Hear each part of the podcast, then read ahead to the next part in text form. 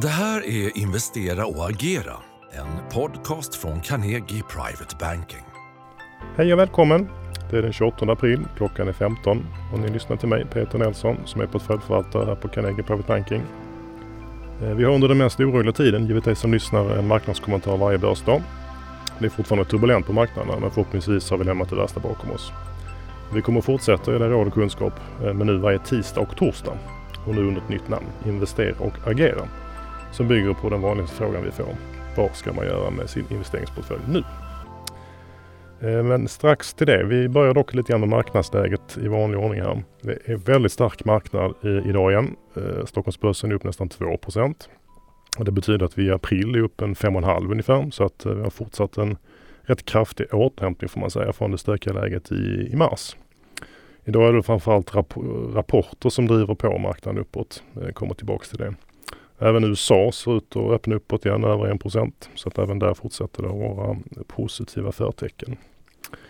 Som sagt är det rapportfokus. Det är det vi är inne i nu, rapportperioden. Eh, både förra veckan och denna veckan är det väldigt mycket nyheter som kommer. Idag har vi en hel knippe bolag som belönas med kraftiga uppgångar.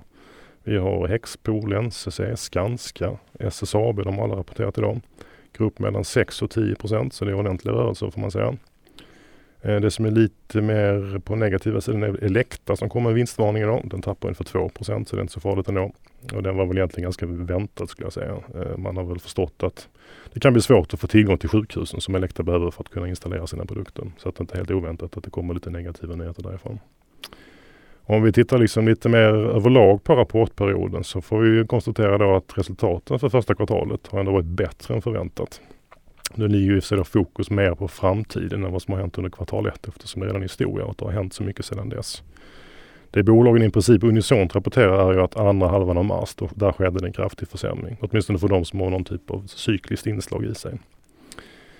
Eh, bolagen fortsätter också att vara väldigt förtegna om eh, fortsättningen. Eh, det enda man egentligen säger är att, eh, att april då blir en sämre månad än mars och det är ju föga överraskande. Men mycket mer än så vågar inte speciellt många säga. Man tycker liksom att det är så svårt att, bedöma läget. Eh, en hel del hoppas ju på en återhämtning under andra halvåret men det bygger just på, att liksom, på en återhämtning egentligen. Det, det, man ser inga konkreta bevis på det utan det, det, det är någonting som man, som man tror ska kunna hända. Ett av få bolag som möjligen har varit lite mer eh, tydliga tycker jag då är Volvo.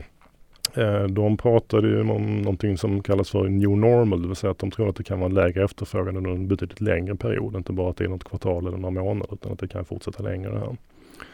Annars tycker jag bolagen är väldigt sparsmakade så vi får inte så mycket hjälp i att, eh, vad vi ska förvänta oss under resten av året och det är inte heller analytikernas vana vid. De brukar ju få en hel del hjälp av bolagen med att var man ska lägga förväntningar någonstans men nu får de gissa lite grann själva och det får vi alla göra.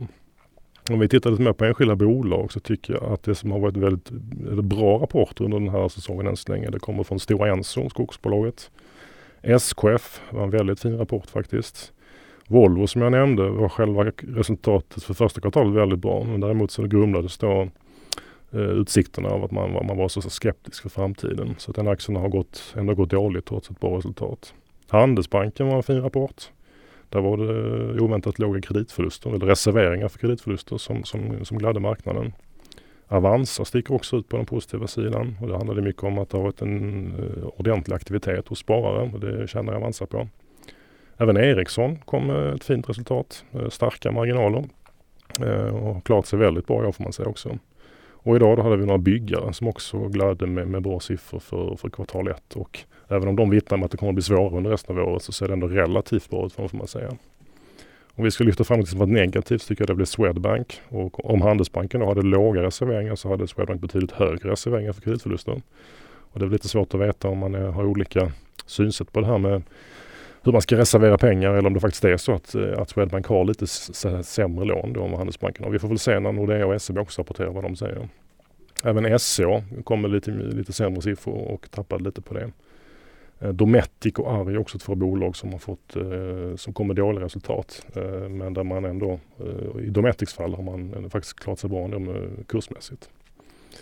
Över, övergripande kan man också säga det att marknaden har haft överseende med, med, med, då, med att 2020 blir ett dåligt år. Man blickar helt enkelt framåt nu och tittar på vad tror vi om 2021 och återhämtningen som ska komma då efter, efter 2020.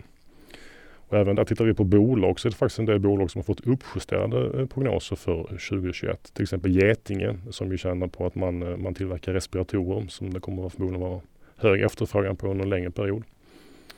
Eh, däremot Volvo då, som jag nämnde inledningsvis också, de, de, de där har man justerat ner prognoserna för 2021. Just eftersom bolaget pratar om att det här nog kan bli ganska långvarigt för deras del. Men summerar vi hela börsen hittills så ser det ut som att vinstförväntningarna kommer att justeras ner med ungefär 20-25 procent eh, för, för 2020, för hela året 2020. Så det är ganska stora nedjusteringar. De är dock betydligt mindre för 2021. Där gissar jag att vi ligger just på 10-15 procents nedjustering av vinstprognoserna. Och det är ju ungefär så, så mycket som börsen har gått ner också i år. Så man kan säga att det, rimmar rätt väl om man tittar just på 2021, det vill säga nästa år, att, att börsen har fallit ungefär lika mycket som vinstförväntningarna har fallit. Sen får vi se då hur, hur framtiden blir. Eh, nu är det ju lite fokus på, på återhämtningen efter coronakrisen. Hur fort kommer den gå? Och det där är fortfarande väldigt osäkert får jag säga.